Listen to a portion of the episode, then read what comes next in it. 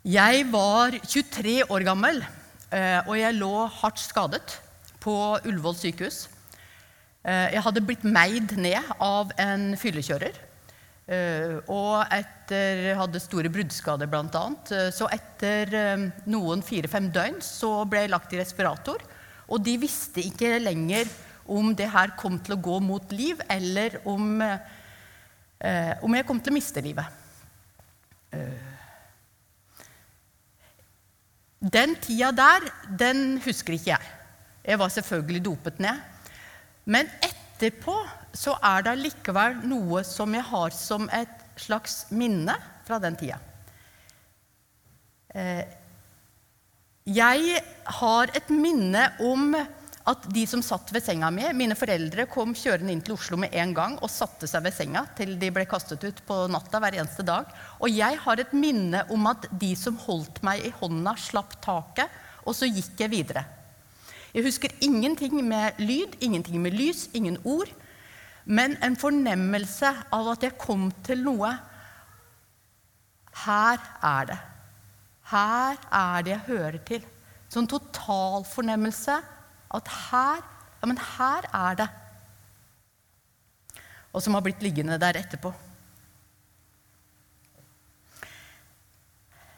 Vi fikk høre teksten, Eivind leste teksten for oss her fra Jesaja 60. Vi kan gjerne få den opp igjen på skjermen her, særlig de, særlig to første versene. Her fortelles det om et land som skal komme en gang. Det er en profeti, ikke sant? Her var israelsfolket sendt bort fra det landet som de var blitt lovet, og som de hadde vært i. Og så kom det profeti om at de skulle få komme tilbake. De skulle få, det skulle komme et nytt land. Og det helt spesielle med det landet er jo at det er ikke sola som skal lyse for dem. Gud er til stede der. Sånn som Gud var til stede i tempelet for israelsfolket den gangen. Det er en profeti om det. Så ble det en profeti senere om Messias som skulle komme, og som skulle opprette det gode Davidsriket med rett og rettferd. Så er det en profeti om når Jesus kommer tilbake og Guds rike kommer for fullt. Alt det her ligger som en profeti i den teksten. Kan du gjerne ta den ned igjen. Jeg har lyst til å hente fram også en nytestamentlig tekst som vi ikke hørte nå her, og det er Johannes 14. Fordi der snakker Jesus om at han går i stand, og så gjør i stand et sted. Teksten begynner med La ikke hjertet bli grepet av angst. Tro på Gud og tro på meg. I min fars hus er det mange rom. Hadde jeg ikke sagt dere det? Hadde, ja, hadde det ikke vært sånn, hadde jeg ikke sagt dere det? Og så kommer det 'Jeg går i forveien'. Nå siterer jeg ikke helt riktig etter 11-oversettelsen, men det er omtrent sånn. 'Jeg går i forveien og lager i stand et sted til dere'. Og det er noe her, nå når vi er på Allehelgens søndag, sånn som, dere, sånn som Eivind snakket om i stad. Det stedet som Jesus går i forveien og lager i stand til oss. Jeg har lest, jobbet litt med det stedet nå i høst. Og sted der på gresk, det kan bety nettopp det. Sted, geografisk område, geografisk sted. Men det kan også bety nærvær. Det kan bety muligheter. Det kan bety havn. Det stedet Det er der Gud er. For Jesus går i forveien. Han går tilbake til sin far, og han går i forveien og lager et sted. Det er der Gud er. Og der, i Guds, hos Gud, i min fars hus, er det mange rom, sier Jesus. Altså, det må bety at det er rom for alle slags mennesketyper, alle slags etnisiteter. Men jeg tror mer enn det, enda mer enn det. Jeg tror at det er rom for mennesker i alle slags livssituasjoner. Og jeg tror faktisk det er rom for oss i alle slags eh, Uansett hvordan vi har det.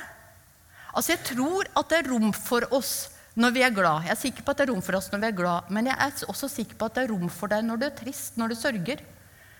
Jeg tror det er rom for oss når vi lykkes når vi har vinden i ryggen og alle mulighetene ligger foran. Men jeg er sikker på, også ut fra det Jesus sier, og den Jesus er, at det er rom for oss også de dagene som vi mislykkes, når vinden står hardt imot, og det virkelig går på tverke. Jeg tror at det er rom for oss når vi er trygge og trygge på Gud, men jeg tror også det er rom for oss når vi tviler. Når vi ikke vet om vi kan tørre oss å stole på det her og sier, 'Kjære Gud, hvem er du egentlig?' Ja, da er det også rom for meg hos Gud. Så stor Gud tror jeg at vi har. At han tar imot oss også der. Og jeg har skjønt Jeg ble godt oppdratt da. Jeg ble godt oppdratt i et uh, indremisjonshjem. Uh, og ble godt oppdratt med å be synsbekjennelse om kvelden. Uh, faren min var opptatt av det. Uh, jeg var ganske stor faktisk før jeg skjønte at ja, jeg kan be syns jeg kan be om, eh, om, tilgivelse underveis også. Jeg trenger ikke å vente til kvelden før jeg ber om tilgivelse. Jeg var også ganske stor, det vil si det driver vel stadig og oppdager eh, det her at Gud ikke bare møter meg etter at jeg har bedt om tilgivelse, men at Gud tar imot meg når jeg strever for å be om tilgivelse. Altså Når jeg er der at jeg tenker ja, men dette her har jeg ikke lyst til å slutte med, eller dette her har jeg ikke lyst til å be om tilgivelse for, så hender det at jeg må begynne med å si, 'Kjære Gud, kan du hjelpe meg til at jeg vil be om det?' At jeg må begynne litt bakafra, på en måte. Georg Geil, danske tidligere biskop, han skriver i en av bøkene sine at det er som vi tror at det er en stige, stæga heter det på min gamle dialekt, mellom oss og Gud, og at vi må klare noen trinn oppover før Gud tar imot oss. Og I den grad det er noen stige mellom oss og Gud, så vet Gud at vi befinner oss under det underste trinnet. Og der møter Gud oss. Der Gud, møter Gud meg. Så stor Gud har vi.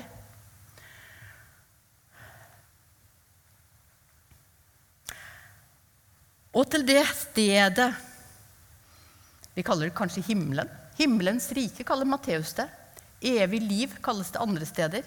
Guds rike. Til det stedet så vet vi veien, står det der i Johannes-teksten. Johannes 14. Jeg er veien, sannheten og livet, sier Jesus. Ingen kommer til Far uten ved meg. Jeg har vist dere veien. Jeg er veien, sannheten og livet. Så vi vet veien dit. Vi vet veien dit. Og også her er det noe. For jeg tror nemlig at vi ofte gjør det altfor vanskelig for hverandre. Jeg tror vi har vært så mye opptatt, og jeg kommer fra en tradisjon der vi har vært så mye opptatt av hvem som er innenfor, og hvem som er utenfor, istedenfor retningen mot Jesus. Og jeg tenker at vi har veldig godt av å huske at da Jesus hang på korset, så ble han hånt og spottet av den ene forbryteren som hang ved siden av seg. Den andre forbryteren sa, 'Jesus, tenk på meg når du kommer i ditt rike.' Og så svarer Jesus, 'Ja, sannelig, i dag skal du være med meg til himmelens rike.' Altså så enkelt. Nikodemus, som kom om natta, og som var en lærd kar, hva er det Jesus peker på overfor ham? Jo, han sier at menneskesønnen skal løftes opp. Han peker tilbake til israelsfolket var i ørkenen. Og de blir bitt av slanger. Dødelige bitt. Og hva fikk Moses beskjed om? Jo, henge en kobberslange opp på en stang. Og når de så på den, så ble de friske. Blikket på Jesus frelser oss.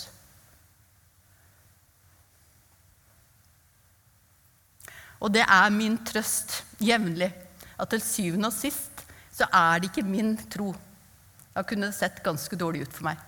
Det er ikke min tro som frelser meg. Det er han jeg tror på. Det er Jesus som frelser meg.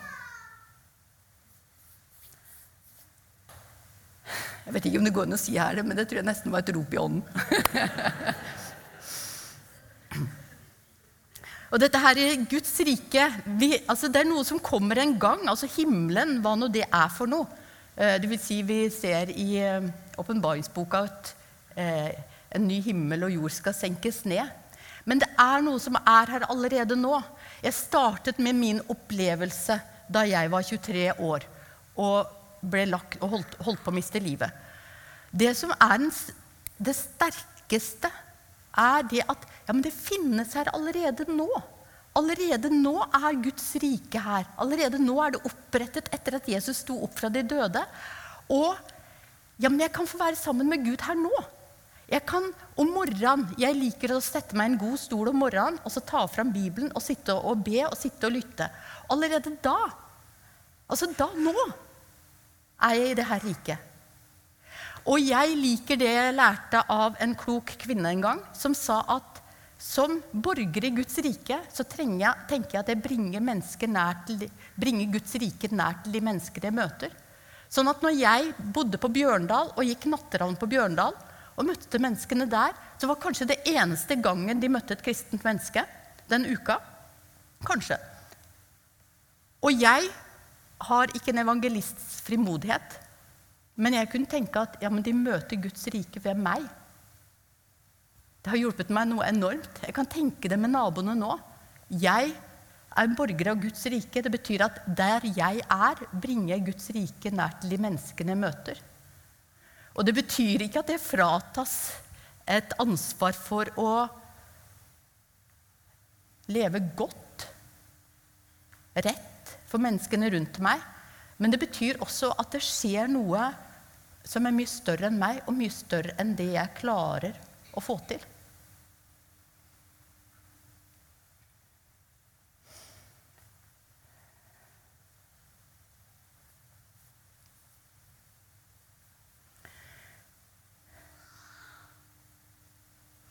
Eh, da Leif Gordon og jeg var nygifte, så bodde vi i Mandal. Eh, og vi leide hus av en eldre enke som eh, ikke hadde noe særlig tro på det prester hadde holdt på med. Og, og, og, jeg fikk ikke noe mer respekt for prester etter at jeg møtte dere, sa hun til oss. Vi hadde et veldig godt forhold til henne. Og det var vel derfor hun kunne tørre å tulle med oss for så vidt. Men jeg jeg har jo i alle år tenkt at jeg har et ansvar for naboene mine, for å be for naboene mine. Vi bodde der sammen med henne. Vi hadde felles inngang, vi hadde felles trappe opp til andre etasje, og vi hadde felles bad. Vi var nygift. Og eh, jeg hadde to svangerskapspermisjoner mens vi bodde der. Og jeg mislyktes så grundig i møte med henne eh, på å ikke ikke bare at jeg ikke klarte å fortelle om hva jeg trodde på, men å være en god kristen. Jeg var det overhodet ikke. Så ble hun sjuk. Eh, og hun, hun, eh, ble lagt inn på sjukehus, og, og, eh, barna skjønte at det gikk mot slutten. Og hun ville snakke med, med Leif Gordon. Og han dro inn dit, og han, han tenkte hva i all verden skal jeg si? For dette her har vi jo ikke fått til. Og han kom inn til henne, eh, og så fant han ut, og ble ledet av Gud, til å si at Vet du hva? Det her har vi ikke fått til. Vi har ikke fått til å leve som kristne sammen med deg på en god måte. Og vet dere hva hun svarte? Hun sa, 'Nei, det har jeg sett', sa hun. Men jeg ser også at dere har noe. Og det vil jeg også ha. Så hun tok imot Jesus på, på dødsleiet. Det er så på tross av meg som det kunne få bli. Bertel, prest i Storsalen, sa det for noen uker siden i høst. Det er ikke det at vi er så aktuelle. Det er ikke det at vi er så flinke. Det er ikke det at vi får til, men det er det at Kristus bor i oss.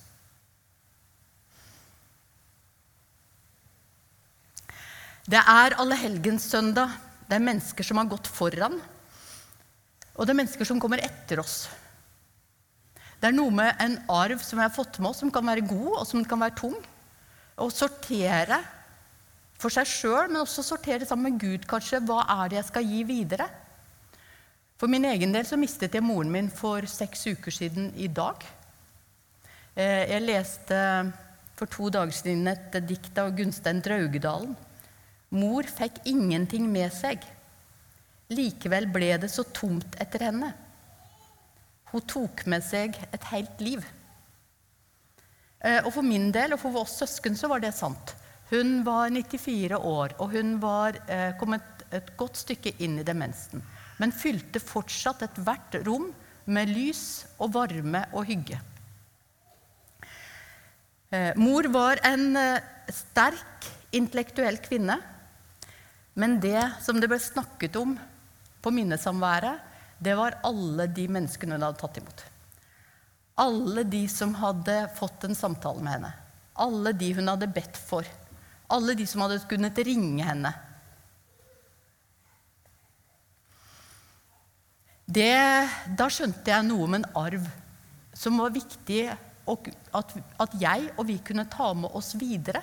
At det er viktig. Det er viktig i vår verden med gjestfrihet. Gjestfrihet på den måten som Henry Noven snakker om gjestfrihet. Å la mennesker få snakke sitt eget språk.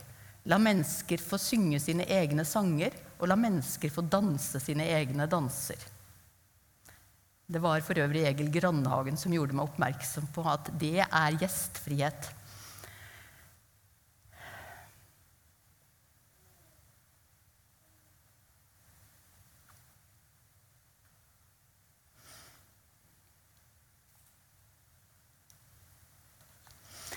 Det landet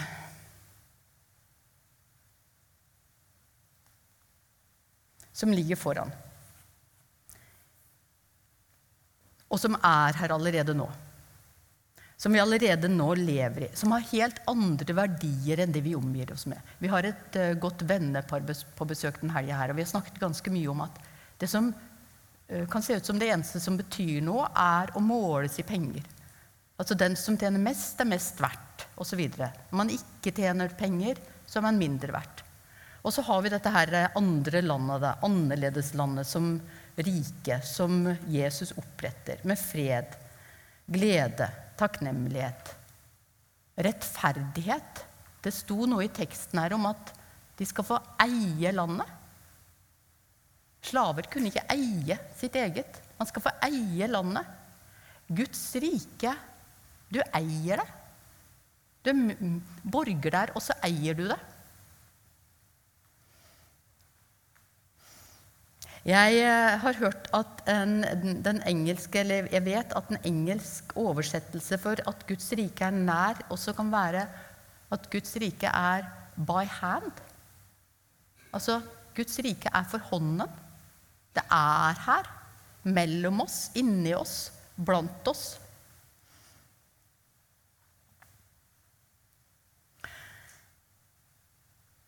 Og så er verden ganske truende. Kanskje for oss som er godt voksne, men i hvert fall truende, vet jeg, for mange barn og ungdommer. Og derfor så er jeg opptatt av håpet som vi skal kunne formidle. Jeg er veldig glad i hebreerne 6 og det siste av hebreerne 6, der det står om håpet. Dette håpet er et trygt og fast anker for sjelen. Det går innenfor forhenget, dit Jesus gikk inn som forløper for oss, han som til evig tid er blitt øverste prest av samme slag som Melkisedek. Dette håpet, altså håpet om en ny verden, ikke fordi vi skal slutte å jobbe for en bedre verden her og nå, men fordi det vi jobber for, allerede finnes, og så en gang så kommer det fullt og helt. Men dette håpet det er altså et trygt og fast anker som er festet innenfor forhenget. Og det ankeret, det er ikke et sånt anker som vi har på den lille 14-fotsbåten vår nede på Sørlandet. Det, det ankeret der det er et sånt som setter seg fast i tang og tare og stein og er vanskelig å få dratt opp. Men det ankeret her, og da fikk jeg et nytt lys over den teksten Det ankeret som fantes i helenistisk tid da, det var en tjukk trosse inne på land, som var festet på land. Og så lå det kanskje mange båter ute i havna. Så kunne man fra land trekke båten inn. Og vårt anker, håpet, håpet om at Jesus kommer tilbake, det er festet innenfor forhenget, så det er festet i Gud. Det er festet i det eneste fastpunktet som finnes i verden. Så derfor så kan Jesus fra det, fra det aller helligste, fra det innenfor forhenget, så kan han trekke båten i land. Og det gir jo mening til den gamle sangen 'Han tek i kyglansen av livet'. Når døden sin brottsjø eg møter, kan Jesus dra båten i land.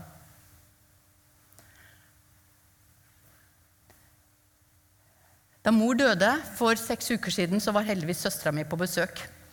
Eh, de skulle drikke kaffe. Mor sa aldri nei takk til en kopp kaffe. Det var en av hennes sterke sider, mener jeg. Eh, de hadde gått ned for å drikke kaffe, og så følte mor seg dårlig. Eh, og så følte hun seg enda dårligere i løpet av to minutter. Og så skjønte søstera mi at det skjedde noe, så hun holdt rundt henne og så sa hun, 'Jesus, nå kommer mor.' Og det var det siste mor hørte. Mm. Kjære Gud. Kjære Jesus, gode Hellige Ånd. Her er vi. Vi er hos deg, og vi kommer til deg. Led oss videre den veien. Og la oss få fortelle om det til menneskene rundt oss. Med det vi er, med det vi ikke er, men fordi du bor i oss, og med ordene våre. Amen.